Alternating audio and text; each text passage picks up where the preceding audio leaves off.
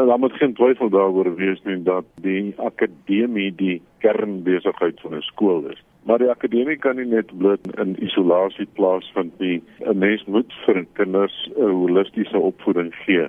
En sport en kultuur vorm uh, baie sterk deel van daardie holistiese opvoeding.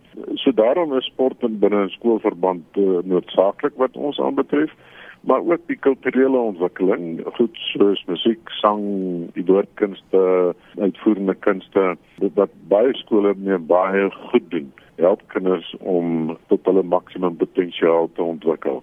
Hoe sou u vir 'n skoolhoof aanbeveel om die saak te hanteer as daar byvoorbeeld soos in hierdie geval ouers is wat kla omdat die skool nou nie meer byvoorbeeld die beste skool in rugby is nie en wat voel die onderwysers of die bestuur van die skool moet nou aktiewe stap neem om hulle weer by nommer 1 te kry.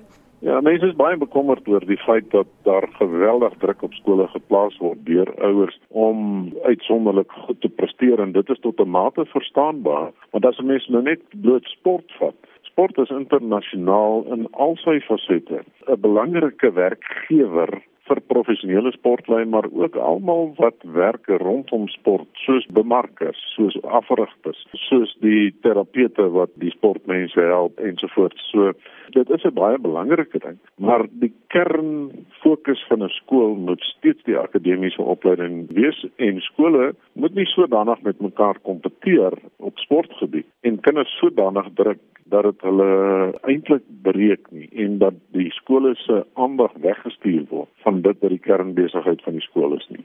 En my advies aan 'n skoolhoof sou wees as daar so onbehoorlike druk op skole kom om die beste in die wêreld te wil wees. Ons het hier te doen met kinders.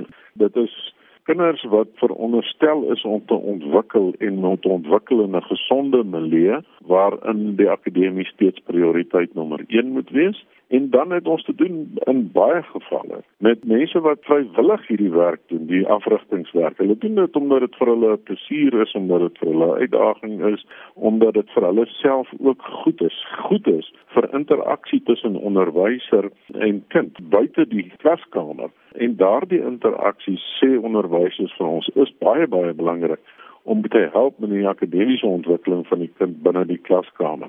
Ons moet nie onderwysers gaan druk tot op die basis wat hulle sê maar goed, as dit die tipe van druk is wat hulle op ons plaas, is dit nie meer vir ons lekker nie. Ons gaan dit nie doen nie.